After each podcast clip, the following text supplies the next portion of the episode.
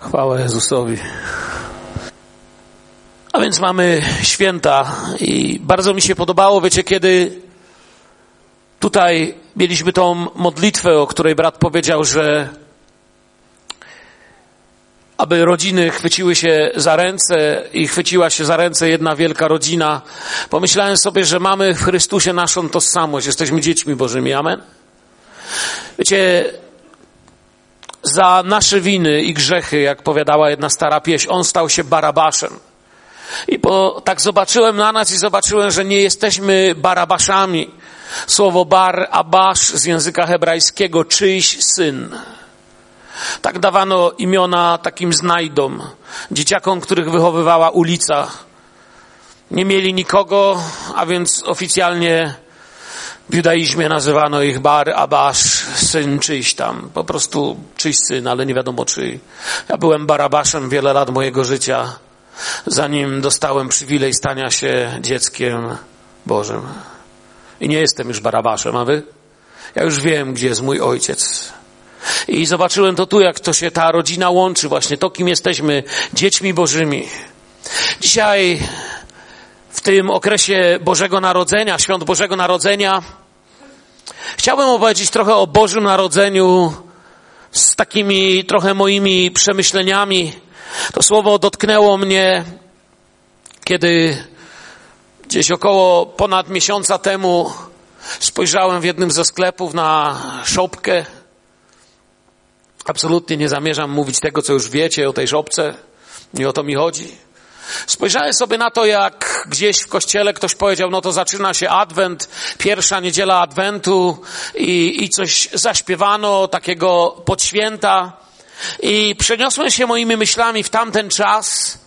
Coś mi się zaczęło łączyć z dzisiaj i stąd tych kilka myśli, którymi z wami się chcę dziś po, podzielić. Gdzieś tam Mądrzy ludzie w Jerozolimie radzili, badali, jak to będzie z przyjściem Mesjasza. Wiedzieli, że musi się gdzieś narodzić Mesjasz. Dochodzili do tego, gdzie, jak, jak to będzie, którędy, co się stanie. I podobnie jak dzisiaj, jest bardzo, zaczynam zauważać pewne wielkie podobieństwo. Niektórzy zastanawiają się, jak to będzie. Ci, co nie czytają Biblii, nazywają to koniec świata. Ci, co są bardziej świadomi, mówią, jak to będzie z przyjściem Pana, co zresztą wiemy, że są dwie różne rzeczy, ale też nie jest to mój temat dzisiaj. Często mam zwyczaj powtarzać, że zdrowy Kościół może sobie zrobić takie EKG, i kiedy ktoś z Was miał może EKG, to wie, że lekarz się przygląda naszemu sercu. Ja miałem kiedyś EKG i lekarz się patrzył, no mówi, no tu mi się nie podoba, tu poprawimy. Potem miałem kontrolę, o teraz jest jak trzeba, nie? To jest ta maszyna, która pokazuje. I często mówiłem, czy, czy, czy jest taką moją myślą, ideą, że EKG Kościoła, gdyby podłączyć ciało Chrystusa, Kościół, pod EKG, to właściwy wykres EKG, wiecie jakby się odczytywało? Nie? Maranata, Maranata, przyjdź Panie Jezu. Oto przyjdę wkrótce. Amen. Przyjdź Panie Jezu. Jakie miejsce w Twoim życiu zajmuje rozmyślanie o tym, że Pan Jezus przyjdzie po swój Kościół? Gdzie to podzieliśmy? Czy, czy, czy jesteśmy tego świadomi? Właściwe EKG Kościoła, właściwe EKG serca, duchowego serca chrześcijanina, bo wiadomo, że kiedy mówimy o naszym sercu w sensie modlitwy czy wiary, to nie mamy na myśli kardiologii. W Nowym Testamencie jest ponad 300 miejsc odwołujących się do tego wydarzenia, że Pan przyjdzie znów. Sam apostoł Paweł 40 razy wspomina na różne sposoby o tym, żebyśmy się spodziewali Pana. Teolodzy, światowa teologia, Bar, Stout, inni wielcy znani teolodzy, światowa teologia jest zgodna co do tego, że o powtórnym przyjściu Pana Jezusa mówi się około siedem razy więcej niż o pierwszym Jego przyjściu. I nie można o tym zapominać. I teraz w tym czasie, który jest, a więc nie można o tym zapominać i rozczulać się nad żłóbeczkiem ciągle. Nie zrozumcie mnie źle. Nie należę do grupy kaznodziejów, którzy chcą opluć, napluć na święta Bożego Narodzenia i, i, zrobić sobie tylko wrogów z ludzi. Nie, ja je kocham te święta, wykorzystuję je na całego w ewangeliczny sposób. Uważam, że są piękne, nie o to mi chodzi. Ale nie można się pozostać w miejscu rozczulania się nad żółbeczkiem. No jaki golusieńki, no. Maleństwo jedno. Zapomniawszy, że to, co Bóg zaczął tam w Betlejem, to skończy. Dzieło zbawienia się dokonało. I teraz trwa czas Kościoła. To, co Bóg rozpoczął, nawet nie powiedziałbym w Betlejem, ale zanim w ogóle wszystko zaistniało, to, co Bóg rozpoczął, będzie też prowadził w naszym wypadku do pewnego chwalebnego końca dla nas. Gdzie dzieło zbawienia się dokonało i jest czas Kościoła. Właściwą równowagę nie zachowamy wiedząc tylko o Betlejem. Właściwej równowagi nie zachowamy wiedząc tylko o tym, że Pan przyjdzie znów. Wiecie, dlatego świat się boi Księgi Objawienia Jana, ponieważ Księga Objawienia Jana ich straszy. Większość świeckich ludzi zapytanych o objawienie Jana mówi, o, apokalipsa.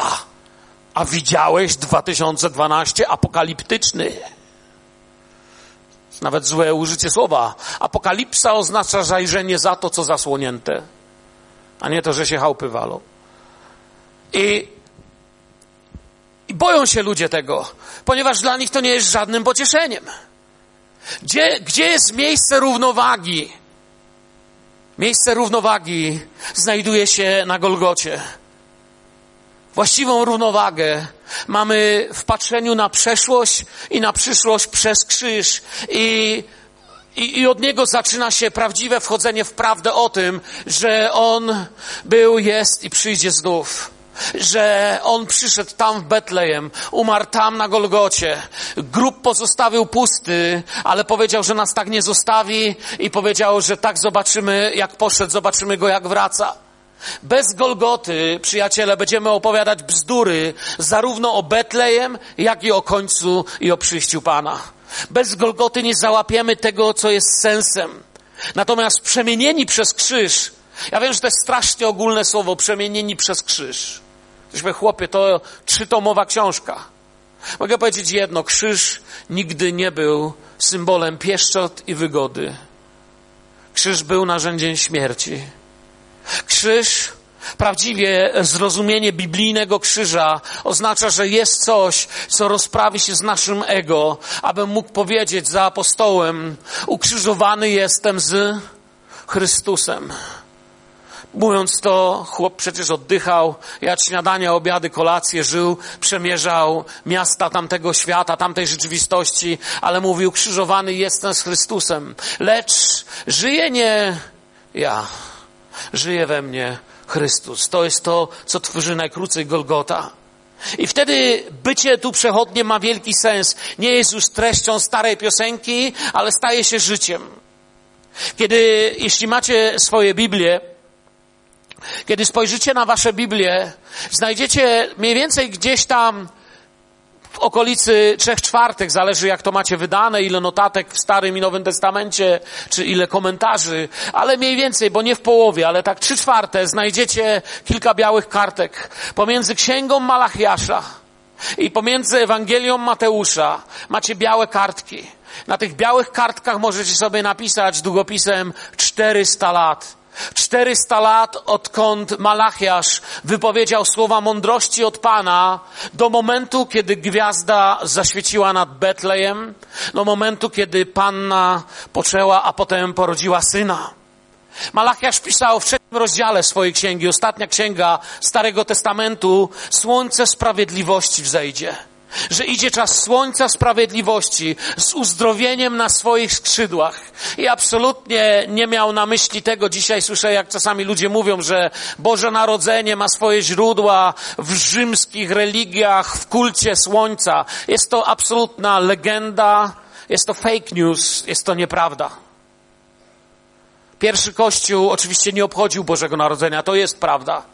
Ale to prawdziwe, co powinniśmy zrozumieć, to jest, że On był słońcem, które wzeszło z uzdrowieniem na swoich skrzydłach. Skrzydła, jak tu już mówiłem wcześniej, to były końce talitu, Talit to jest szata modlitewna żydowska, to jest to, czego dotknęła się chora na krwotok kobieta na przykład.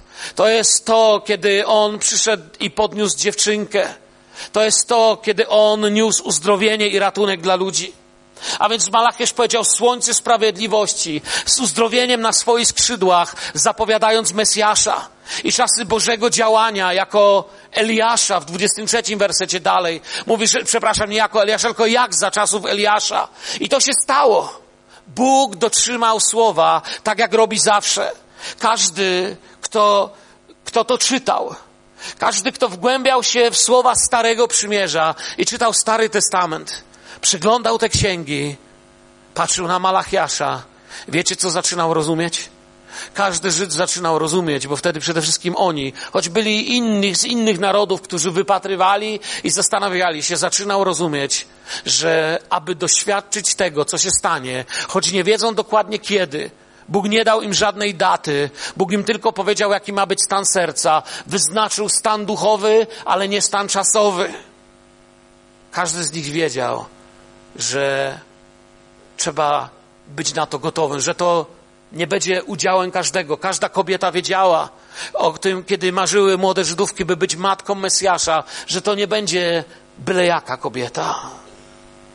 Każdy. I patrzyli na wiele innych prolot i wiedzieli, gdzie patrzeć, na co czekać, nie wiedzieli kiedy, ale wiedzieli, jakimi być. I ostatni werset również nie jest na ozdobę, jest dla nas. Tam to się wtedy dokonało, za chwilę do tego wrócę. Jezus urodził się w Betlejem, ale Jezus przyjdzie po swój kościół, Jezus przyjdzie wkrótce. Powiem wam w ten sposób, przeglądałem sobie czasami strony niektórych zborów. W wielu kościołach jest to w ogóle usunięte. Już nawet nikt nie pamięta o tym, że Pan Jezus przyjdzie. Powiem Wam, dlaczego to jest groźne. Kościół, który jest świadomy i żyje w świadomości powtórnego przyjścia Pańskiego, nie wiemy kiedy, nie mamy daty, ale mamy to, jakimi mamy być, jest kościołem uświęcenia. Jest kościołem, w którym ludzie wiedzą, jaki jest sens tego, że trzeba sobie powiedzieć przepraszam i wybaczam. Jaki jest sens tego, aby wzajemnie trwać w miłości, aby wzajemnie trwać w wybaczeniu, aby niczym się nie pobrudzić, bo nigdy nie wiemy, kiedy Pan przyjdzie. Kiedy to usuniemy, duchowe oczy Kościoła zaczynają patrzeć do portfela zaczynają iść w kierunku fanatyzmu religijnego. Zaczyna się albo czarowanie ludzi tym, jakie piękne może być życie na ziemi, co nie do końca jest kłamstwem. Bóg ma dla nas dobre, dobre rzeczy, ale też zaczyna się fanatyzm, który bije ludzi biblijną pałą po głowach. Zapominamy, gdzie, jest nasze, gdzie nasze oczy mają być zwrócone. Jakie miejsce w Twoim życiu zajmuje to, że Pan przyjdzie po swój kościół? Czy wiesz o tym, że Jezus może przyjść nawet zanim skończę dzisiejsze kazanie? Czy wiesz o tym, że Duch Święty chce, abyś był tego świadomy? Ostatni werset w Biblii, dany im tam, bo to już wtedy były czasy ostateczne, chcę wam powiedzieć. To nie jest tak, że dzisiaj jakiś dziennik ogłosił, że od 2000 roku mamy czasy ostateczne, albo od 1914 mamy czasy ostateczne. Nie. One się zaczęły wtedy, ale już wtedy objawienie w ostatnim wersecie mówi, 22 rozdział. Zobaczcie na ostatnie wersety Biblii. Włóżcie je w swoje serca. Zacznijcie z nimi chodzić. Mówi ten, który o tym świadczy. Zaiste przyjdę niebawem. Prawdziwe EKG, pamiętacie? Co się dzieje w prawdziwym EKG? Duch mówi do oblubienicy, przyjdę niebawem. Jakie jest odbicie drugiej komory serca? Amen. Przyjdź, Panie Jezu. Jestem gotowy, nawet gdyby to się teraz stało. Jestem łaska Pana Jezusa ze wszystkimi. No bo przez tą łaskę jesteśmy gotowi, nie? I czasem myślimy sobie ten sposób, no wiesz, jak umrzemy, no to już mamy nasze spotkanie z Panem. Nie do końca o tym tutaj mówi Słowo Boże. Niedosłownie. Ja wiem, o czym mówicie, rozumiem to, nie łapię nikogo za słowa, ale Jego przyjście oznacza jeszcze coś. Jego przyjście nie oznacza, że Cię będą wkładać do grobu. Jego przyjście oznacza, że Cię nie będzie w grobie. Amen? To jest to, co jego przyjście oznacza. Do tej dziury mnie może wrzucić każdy, Ale Bóg mówi, ty chłopie, uważaj na to, kto cię z tej dziury wyciągnie. To jest najważniejsze w naszym życiu. To jest to, co czyni Jezus. I dla niego, wiecie, pomyślałem sobie, nie mieli miejsca, nawet w Betlejem, nie mówi się, no nie było miejsca, bo był spis i tak dalej. Znowu tam i to obrosło różnymi legendami, ale krótko mówiąc, no nie było miejsca. To wiemy. I pomyślałem sobie, Bóg też postanowił, że w ramach Jego miłości też dla nas gdzieś nie będzie miejsca. Jest jedno miejsce, z którego Pan Bóg ci powie won, to twój grób. Przyjdzie dzień, kiedy powie wyłaź stamtąd, wychodź. Oczywiście wiem, że parafrazuję w pewien poetycki sposób, ale wiecie o czym mówię. Bóg nie przewidział dla nas miejsca w śmierci. Bóg przewidział dla nas miejsce w życiu. On dla nas nie ma miejsca w grobie. Przygotował nam dom w niebie. Było zapowiedziane. Stało się to, co mówiło Pismo. Nie to, co chcieli widzieć ludzie. Stare przymierze pełne jest zapowiedzi przyjścia Pana Jezusa. Nawet niewierzący ludzie, zupełnie niewierzący albo tylko trochę religijni, śpiewają taką piosenkę. Nie wiem, czy jest na tej sali ktoś, kto jej nie zna. Pójdźmy wszyscy. Tylko nie zacznijcie śpiewać teraz, no, uwielbianie było. Pójdźmy wszyscy gdzie? I tak dalej, nie? I co tam śpiewamy w tej pieśni? Ktoś powie, no to facet, dobiłeś, już kolęd głosisz. No próbujemy. Witaj Jezu, ukochany od patriarchów czekany, od proroków ogłoszony, od narodów upragniony. Wierzcie lub nie, ale to jest biblijne stwierdzenie. Bardzo biblijne. On był zapowiadany od samego początku. On był zapowiadany, a kiedy przyszedł, okazało się, że nie wszyscy byli gotowi na to, że przyszedł. No bo mieli swoje wyobrażenie, jak Mesjasz przyjdzie i co zrobi, i co mu powiedzą, i jak załatwią. Niektórzy już się cieszyli, że pozałatwiają nawet swoje sprawy z Rzymianami. On był zapowiadany od upadku w Edenie. Mamy coś takiego w pierwszej księdze Mojżeszowej, w trzecim rozdziale, to jest yy, piętnasty werset, co nazywamy protoewangelią czyli najbardziej starym przesłaniem o tym, że Bóg poniesie nam ratunek. Potem oczywiście mamy to, co i w tej kolędzie wspomniałem, przez patriarchów był oczekiwany, zapowiadamy. Mamy to w innych pra Ewangeliach, protoewangeliach, pierwsza Mojżeszowa 12:7. Patriarchowie wiedzieli, że Bóg ma coś i to się będzie działo. Później przechodzimy do czasów królewskich na tronie zasiada Dawid. I prorok Natan mówi do niego takie słowa. W drugiej Samuela macie to siódmy rozdział, jeśli chcecie sobie zapisać. A gdy dopełnią się dni Twoje i zaszczesz ze swoimi ojcami, ja wzbudzę Ci potomka. Trudno mieć dziecko, kiedy się zaśnie ze swoimi ojcami i dni się dopełnią ale również dotyczy to proroctwo Salomona, oczywiście, że tak. Ja wzbudzę ci potomka po tobie, który wyjdzie z twego łona i utrwale twoje królestwo. On zbuduje dom mojemu imieniu i utwierdzę tron królestwa jego na wieki. Ja będę mu ojcem, a on będzie mi synem. Światło świeciło w ciemności, ale ciemność nie mogła go przemóc.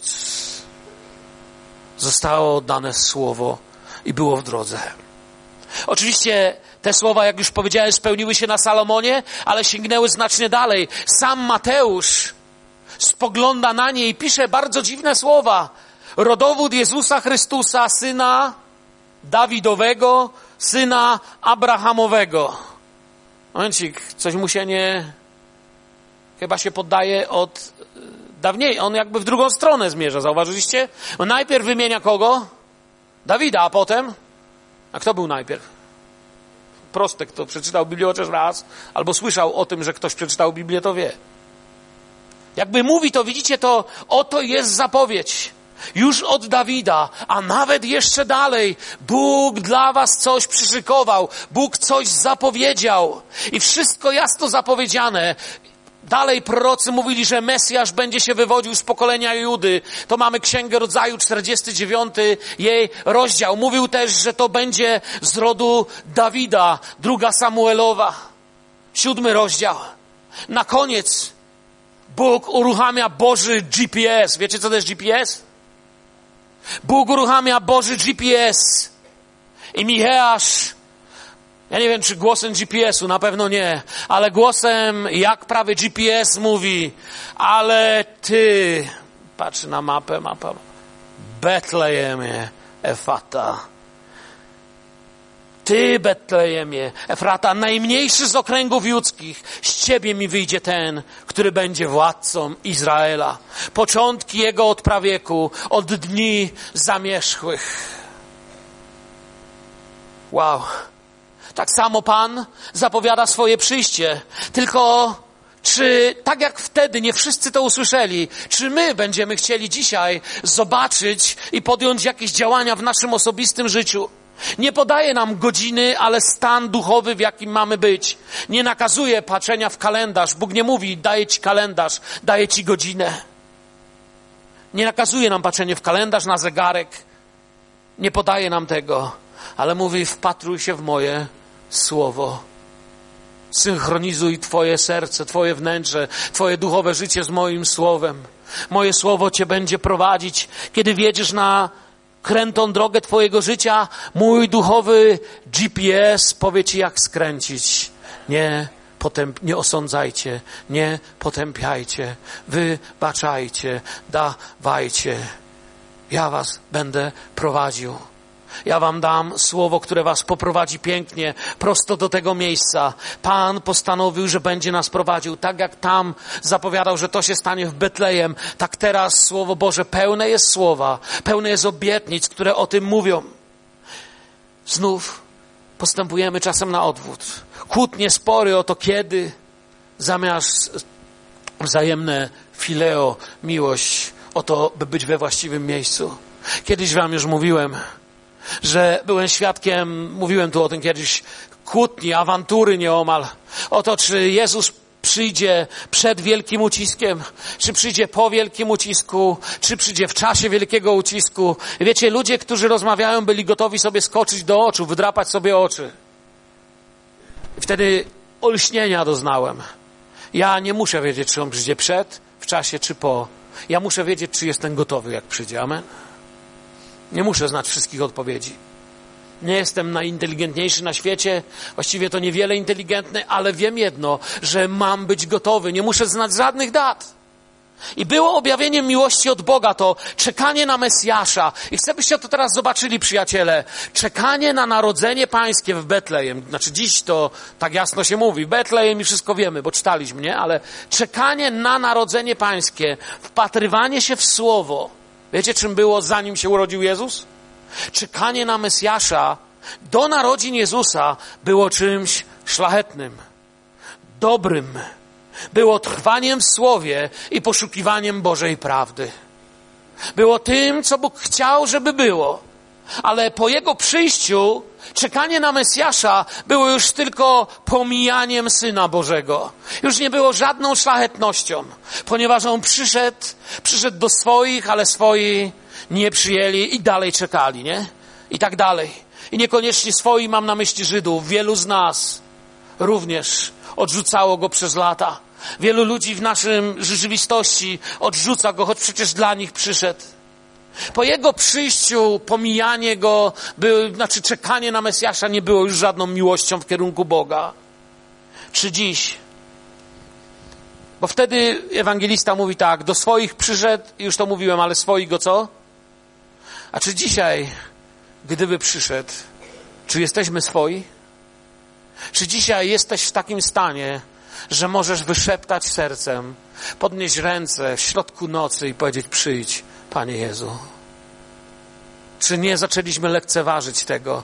Czy nie wydaje nam się, że mamy dość czasu, że możemy sobie pozwolić na ryzyko wybiegnięcia z arki chwilę przed zamknięciem drzwi, tylko po to, żeby jeszcze bratu przylać i pokazać, że mieliśmy rację?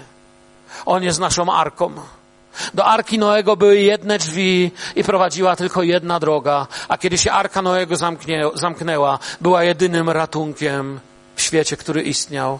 Do Jezusa prowadzi jedna droga czy do Boga, przepraszam, prowadzi jedna droga, jest nią Pan Jezus Chrystus. Jest jedynym pośrednikiem między Bogiem i ludźmi. Jego łaska jest dziś otwarta dla każdego grzesznika. I grzesznik, który żyje mściwością, kłamstwem, oszustwem, plotkarstwem, przypomina kogoś, kto wybiega z Arki Noego i mówi, Noe, poczekaj chwilę, jeszcze przyleję temu dziadowi, bo się kłócił ze mną. Nie wiesz, czy kiedy wybiegniesz, nie zamkną się drzwi. Bóg mówi, bądźcie gotowi. Niech przyjście Pańskie będzie waszą realnością. Powtórne Pana, powtórne przyjście Pana jest zaniedbywanym tematem. Wraz szczególnie w krajach, gdzie wzrasta bogactwo, dobrobyt, gdzie ludzie się nauczyli, że się ciągle można obrażać za wszystko. Gdzie obrażalstwo, jeśli macie w domu swoim obrażalstwo, w naszym domu nie ma obrażalstwa. Przez 28 lat małżeństwa z Gosią, 27. Nigdy nie obraziliśmy się na siebie, co nie znaczy, że się nie potrafimy wadzić. Nigdy się, u nas w domu nie ma czegoś takiego jak ciche dni. Nie ma czegoś takiego, że żona wchodzi i do mnie mówi, a ja się nie będę odzywał, bo właśnie jaśnie pan Kule cię obraził. Jeżeli masz w swoim życiu obrażalstwo, to masz się za króla i nie ma żadnego znaczenia, że mówisz, że Jezus jest królem. Powinieneś dziś z tego pokutować. To jest pierwsza czerwona lampka, która się pali w Twoim życiu, że nie jesteś osobą czekającą na powtórne przyjście Pańskie. Usuńcie to żebyśmy byli kościołem z klasą. Mogę już mówić, żebyśmy byli kościołem z klasą. Jakie piękne, już nie mówię, nie muszę mówić, żebyście byli, nie? Bo gość, no to nie wypada mu mówić my. Zresztą nigdy nie czułem się tu gościem, nie? I tu się urodziłem, to jak się czuć gościem, nie? To, to jest, wiecie, bardzo ważny znak. Obrażalstwo jest znakiem majestatu. Jaśnie majestat właśnie się zachmurzył. Straciłeś społeczność ze mną, pokutuj. To jest zaniedbany temat dzisiaj. Stąd brak jakości chrześcijaństwu nie z tego, że mamy złych kaznodziejów, nie z tego, że mamy za dużo lub za mało książek albo programów, ale z tego, że jesteśmy napchani kazaniami tak, że nam już trzeszczy w plecach. Ale nie stosujemy tego. Czy kiedyś do mnie jeden facet podszedł i mówi, słucham wszystkie twoje kazania, mam 300 twoich kazań, no to, co teraz powiedziałeś, tak będzie gdzieś na siódmym miejscu. Trochę słaby, mam takie, co mam na pierwszym miejscu twoje. Ja mówię, chłopie, ja nie jestem lista przebojów trójki. Jedno chociaż zastosuj, będzie dobrze, nie? Tak myślałem, że on to właśnie weźmie tak jak wy, żart, on się trochę uraził wtedy. Jezus naprawdę przyszedł. To jest pierwsza rzecz wspólna z Betlejem. Stało mi mało czasu, ale chcę to powiedzieć. Jezus naprawdę przyszedł. To jest to, co łączy i Betlejem, i to, to, co łączy rzeczywistość, która będzie. To się stało naprawdę i to się stanie naprawdę. Amen? Jezus nie mówi, ja cię przyjdę, tak żartuję, nie, nie przyjdę. Nie. To się stanie. Nie, I wiecie, jak się to stało w Betlejem?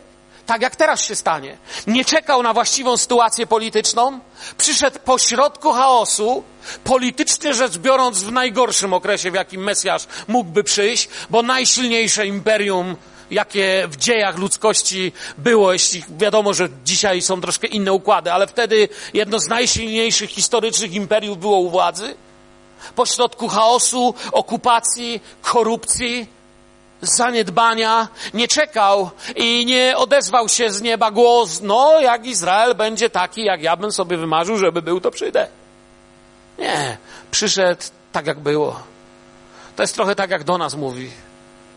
Bóg nie mówi, wiesz, zacznij chodzić chłopie do kościoła, rzuć palenie, picie, przestań gadać bzdury.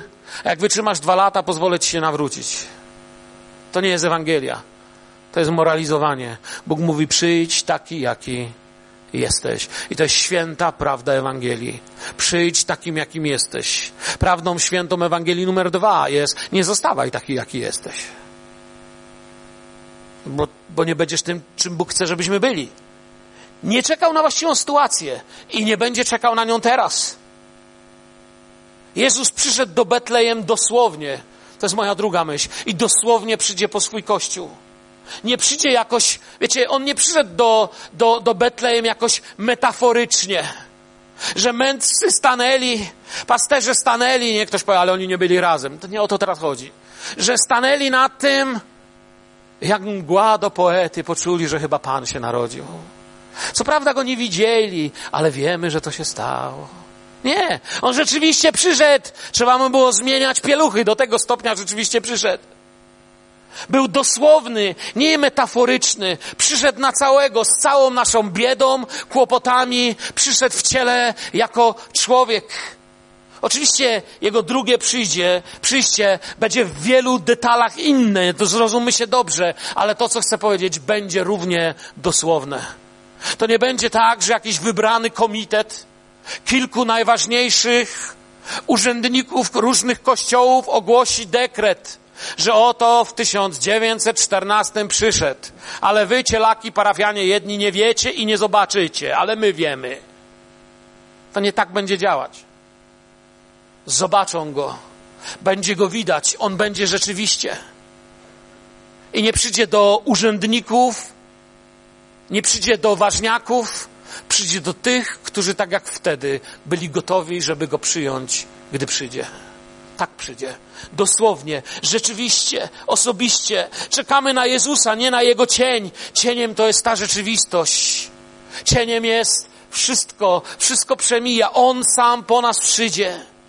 On powiedział, że to zrobi, a on nigdy nie kłamał. On powiedział tak, a jeśli pójdę i przygotuję wam miejsce, przyjdę znowu, tyle, że nikt mnie nie będzie widział. No może paru ludzi na Brooklynie i tu i tam. Nie. Przyjdę. Jak przyjdzie? Znowu. I co zrobię? Wezmę was do siebie. I zaczyna mieć sens wtedy. Oto ja jestem z wami po wszystkie dni, aż. No a potem co? No nie bój się, potem wy będziecie ze mną. To jest całość prawdy, nie? Abyście gdzie ja jestem i wy byli. A dzieje apostolskie, pamiętacie, gdy tak patrzyli uważnie, jak on się oddalał ku niebu, Jezus, Jezus wstępuje do nieba. Oto dwaj mężowie w białych szatach stanęli przy nich i co im powiedzieli? Mężowie galilejscy. To macie dzieje 10, yy, przepraszam, dzieje 1, 10, 11 wers. Mężowie galilejscy. Czemu stoicie, patrząc w niebo? Ten Jezus, który od was został wzięty w górę do nieba, tak przyjdzie, jak go widzieliście idącego do nieba. Nie wiem, może ktoś mądry potrafi to zinterpretować poetycko, przykładowo, ale ja wiem, że on mówił, że przyjdzie. I chcę, aby moje serce było gotowe. Co z Tobą? Czy nie jest tak, że być może dziś po nabożeństwie trzeba by było pójść do kogoś i przeprosić? Czy wiesz, co możesz uwolnić, gdy obejmiesz swojego bliźniego dzisiaj i powiesz: Wybacz, bo mój język mówił słowa, które sprawiły, że nie mam je z Tobą na przystanku w czekaniu na Pana. Albo wybacz, bo myślałem rzeczy, albo wybacz za to, co między nami było. Nie interesuje mnie już, kto ma rację. Moja racja to Syn Boży. Biorę krzyż i idę go naśladować. To jest moja racja. Nie ma dla mnie innych. Może jesteście tu dzisiaj i czujesz, że, że, że trzeba to zrobić. Duch Święty przez Pawła objawia nam, gdyż sam Pan na dany rozkaz, na głos Archanioła i trąby Bożej stąpi z nieba. I słowo nam mówi, że to będzie On osobiście. I stanie się to nagle i niespodziewanie. Widzicie połączenie z Betlejem teraz? On osobiście przyszedł do Betlejem. Chociaż wielu o tym mówiło, wielu absolutnie przepuściło ten moment i to nawet naprawdę zaangażowanych religijnie i teologicznie ludzi. Przepuścili to. On mówi, że to się stanie, zaskoczy wielu, którzy chcieliby się przygotować na to, jak na wizytę partyjnego dygnitarza. Drodzy z ogłoszeń dusz pasterskich dzisiaj w zborze Filadelfia, po nabożeństwie malujemy trawę na zielono, może jutro Jezus przyjdzie. Takiego czegoś nie ma. To nie PGR. To jest Kościół. My czekamy. My jesteśmy solą ziemi. Kiedy świat śpi. Kiedy na jednej półkuli świeci słońce, na drugiej jest noc. Kiedy świat śpi, nie jesteśmy na tej sali, ale jesteśmy kościołem. Nasze serce bije, choć jesteśmy jak sól. Nie mówi się tak, że w solniczce jest sól, ale jak to rozsypiesz po różnych potrawach, to już są to jest ciągle sól, tyle tylko, że rozeszła się po potrawach. To jest Kościół, tyle tylko, że rozejdzie się po domach, ale będzie spał. Dzisiaj położysz się spać. Ukochasz dzieci. Położysz się do łóżka, zamkniesz oczy, a serce Kościoła, Twoje serce bije. Przyjdź, Panie Jezu. Przyjdź, Panie Jezu. Choćby i dziś. Zaskoczyło przyjście Pana Jezusa tych, co wiedzieli. Mówimy czasami, wiecie, o Marii, o Józefie, mędrcach, Symeonie. Oni jakby, jakby wiedzieli w sensie przekazu proroczego, w sensie znaków, coś badali, a, ale czas wybrał On. Oni nie znali dna, godziny. Maria nie powiedziała, no za tydzień przyjdzie Gabriel, czas się zabrać za porządki w swoim życiu. Ona po prostu była, była dla Pana. Pamiętacie, on do niej zaczął mówić, ona mówi oto.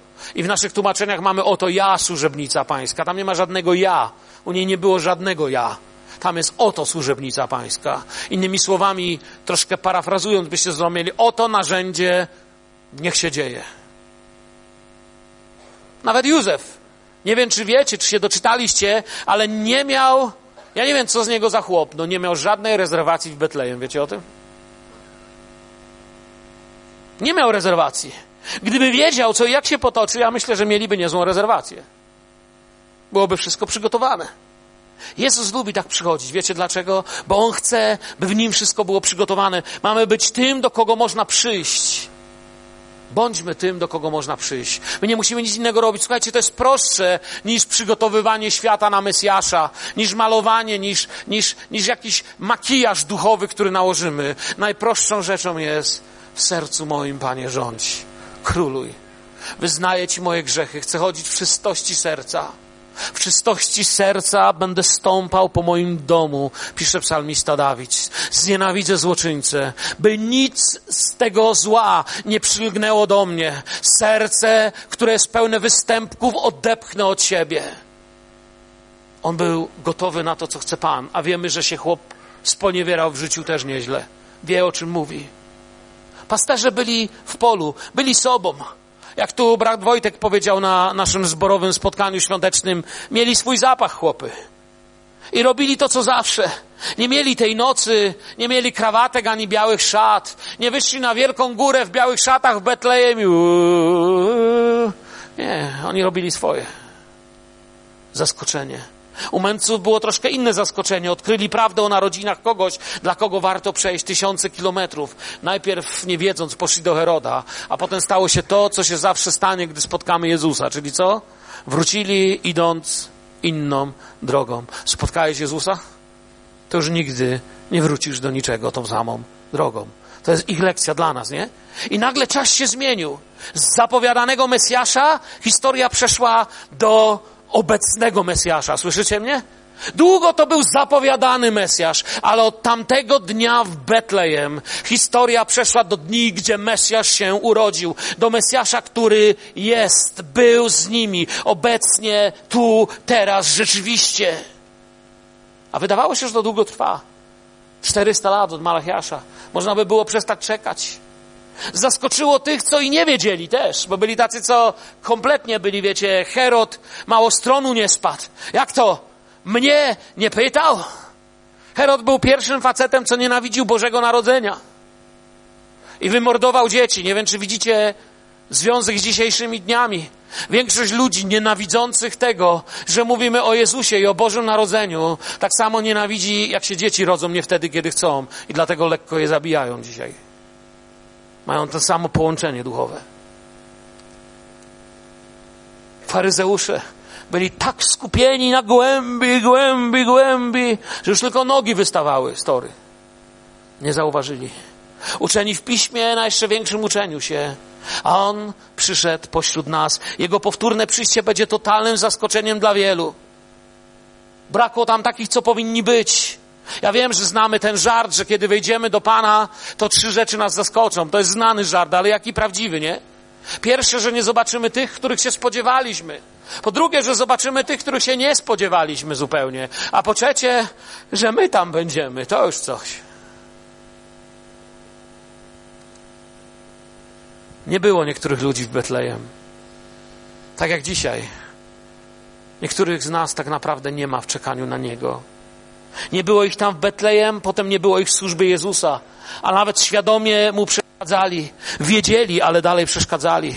Problemem nie było to, że nie widzieli w Jezusie Mesjasza. Oni nie chcieli takiego Mesjasza. Oni mieli swój model tego, co Bóg miałby dla nich zrobić. Oni mieli listę życzeń, które ich Mesjasz nie chciał spełnić. Gdy Pan przyjdzie powtórnie, myślę, że właśnie braknie wielu, którzy dziś mówią, że czekają. On nie przyjdzie po pastorów, teologów, znawców, zielonoświątkowców z dwudziestoletnim stażem, nominowanych urzędników kościelnych. On przyjdzie do każdego z nas tutaj dzisiaj, do ciebie, do mnie, którzy na niego czekamy, w posłuszeństwie i naśladowaniu. Dziś świat żyje w strachu zupełnym. Nie wiedzą, co mają, a Biblia mówi, że jest wiadomość pocieszająca. Coś, czym się Kościół może pocieszać. Coś, co jest częścią dobrej nowiny, że Pan przyjdzie. Kościół ma inny nastrój. I o Kościele jest powiedziane w ten sposób. I baczmy jedni na drugich w celu pobudzenia się do miłości i dobrych uczynków, nie opuszczając wspólnych, co? Zebrań naszych, jak to jest u niektórych zwyczaju, lecz dodając sobie otuchy, a to tym bardziej, im lepiej widzicie, że się ten dzień przybliża. Znacie ten werset? Nie opuszczając wspólnych zebrań naszych, a to tym bardziej, im jesteście świadomi tego, że Jezus przyjdzie po swój Kościół że się ten dzień przybliża. I teraz coś bardzo ważnego chcę wam powiedzieć. Ktoś powie, chłopie, ale ja chodzę na wszystkie i środowe, i niedzielne, i może nawet jeszcze dodatkowe. Tutaj aspekt, jeżeli będziecie sobie z Greką na to patrzeć, jest dużo szerszy niż przyjście do kościoła i zajęcie miejsca w ławce. Chodzi o wspólnotę z Chrystusem. Chodzi o to, ci, których Duch Święty prowadzi, są kim? Dziećmi Bożymi chodzi o coś głębszego niż siedzenie na krześle w kościele i postawienie sobie niedzielnego ptaka w kalendarzu. Byłem, załatwiłem. Można być i nie być. Można być na nabożeństwie, ale opuszczać nabożeństwo. Można dojść do miejsca, gdzie jesteś, ale tak naprawdę wcale cię na tym nabożeństwie nie ma. Nie przyszedłeś dzisiaj skłócony z żoną, z mężem, z dziećmi. Przyszedłeś, chociaż w tym tygodniu być może oglądałeś pornografię i jesteś od niej uzależniony. Przyszedłeś i nic z tym nie robisz. Przyszedłeś i być może Dawno zapomniałeś, jak kiedyś kochałeś Pana Jezusa.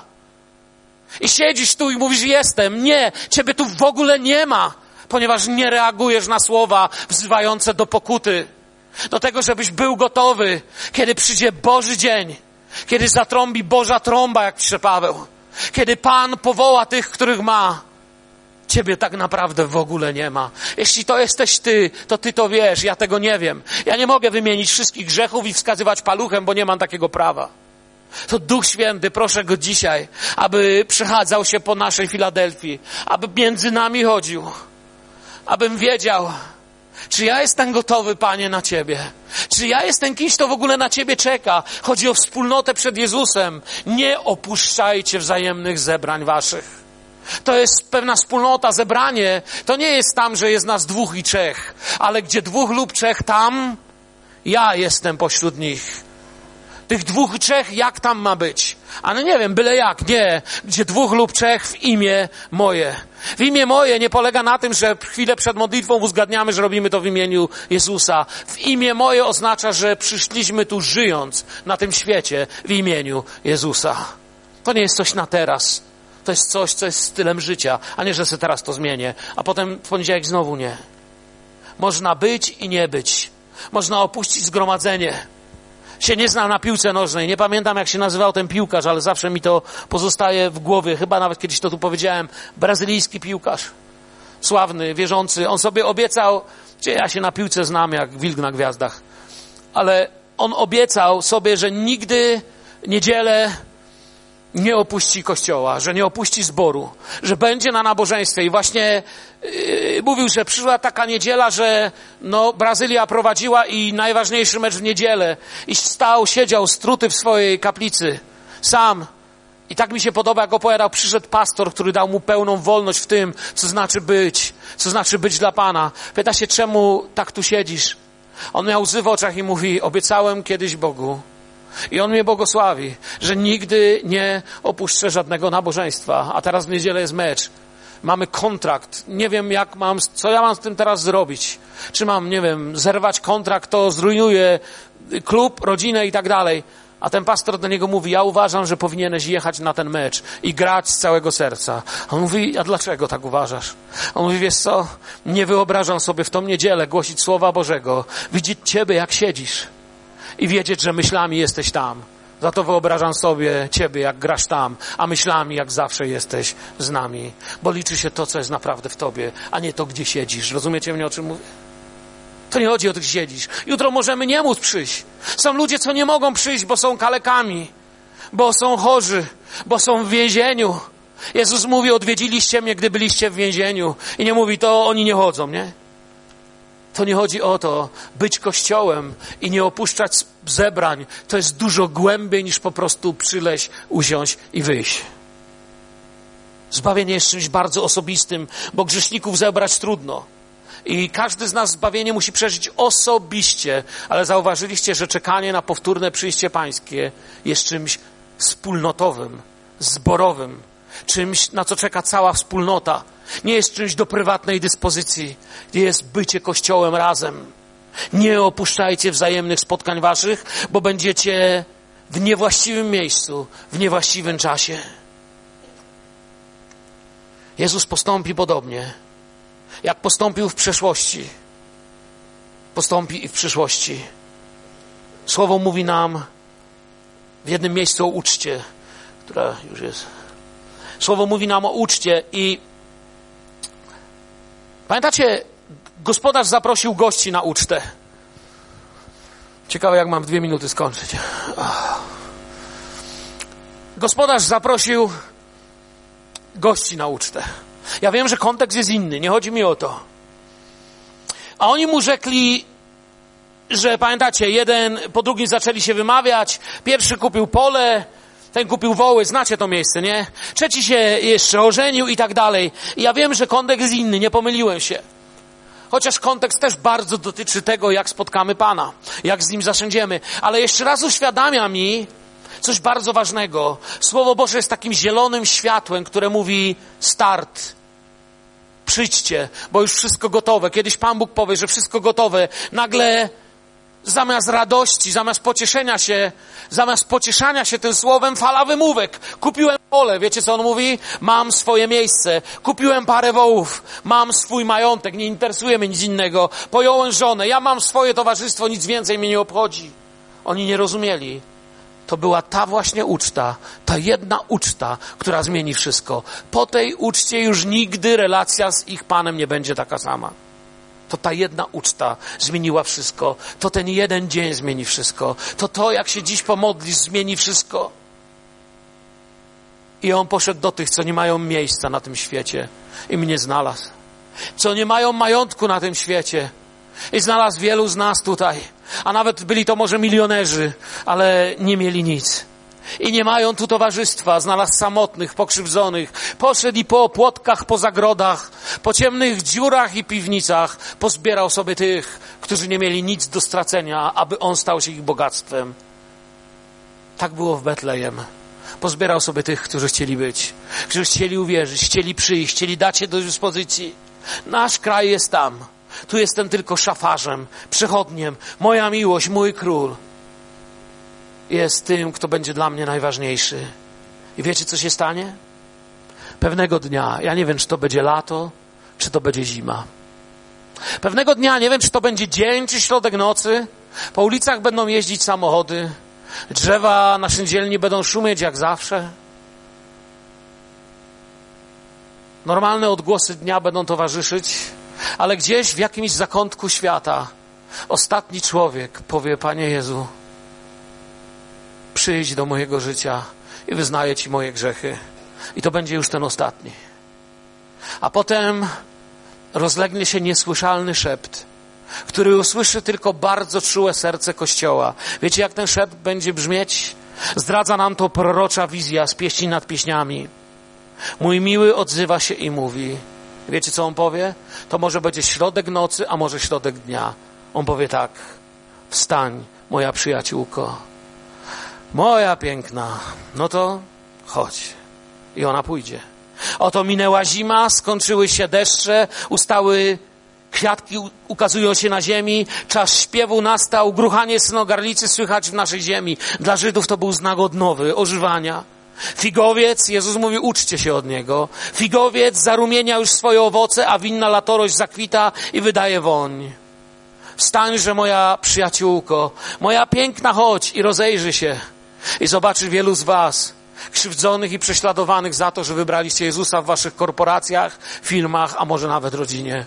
Zobaczy Kościół w Syrii, Kościół w Afryce, Kościół w krajach, gdzie ludzi się morduje, Kościół ukryty w katakumbach, który w tym samym czasie dzisiaj ryzykuje życiem za to, że się tak zebrał i powie do niego tak, dalsze wersety, gołąbko moja w rozpadlinach skarnych w ukryciu szczelin. Daj mi oglądać swoje oblicze, daj mi usłyszeć swój głos, gdyż słodki jest Twój głos i pełna wdzięku Twoja postać. On pewnego dnia powie do kościoła, o którym dziś słyszysz, o którym czytasz w Biblii, nie kościoła z tabliczką na murze, kościoła z pieczeńcą pańską w sercu, jego kościoła. Tabliczki są dla porządku, ale on jest dla zbawienia. I on powie: Chodź, moja przyjaciółko, chodź. I Słowo Boże, kończąc, mówi nam tak, gdyż sam Pan na dany rozkaz, na głos Archanioła i trąby Bożej, stąpi z nieba. Wierzycie w to, czy nie? Wtedy najpierw powstaną ci, którzy umarli w Chrystusie. Potem my, którzy pozostaniemy przy życiu razem z nimi, porwani będziemy w obłokach w powietrze na spotkanie Pana i tak zawsze będziemy z Panem. Przeto pocieszajcie się tymi słowy. Nie przeto straszcie się tymi słowy Pocieszajcie się. To jest nasze pocieszenie. Jezus przyjdzie po Kościół. Czy jesteś gotowy dzisiaj wyjść do modlitwy, która załatwi sprawy, o których mówiłem i o których może ja nie mówiłem, ale Duch Święty ci powiedział? Czy jest coś, co sprawia, że wiesz, że tak naprawdę masz piękną duchową minę, ale nie jesteś gotowy? Albo być może jest ktoś, kto jest tak blisko, ty się modlisz, że chciałbyś, chciałabyś, aby był gotowy. Może jest w Twoim sercu jakieś zaniedbanie. Może już zapomniałeś o tym, jak bardzo byś pragnął, żeby Pan Jezus znów dał Ci taki pokój jak kiedyś, znów tą pewność. Czy wiecie, że Jezus przyjdzie wkrótce? A duch i oblubienica mówią: przyjdź. Czy jesteś w tym miejscu? Czy możesz szczerze teraz w myślach powiedzieć: Duch i oblubienica mówią przyjdź, ja też mówię przyjdź. Jestem tu.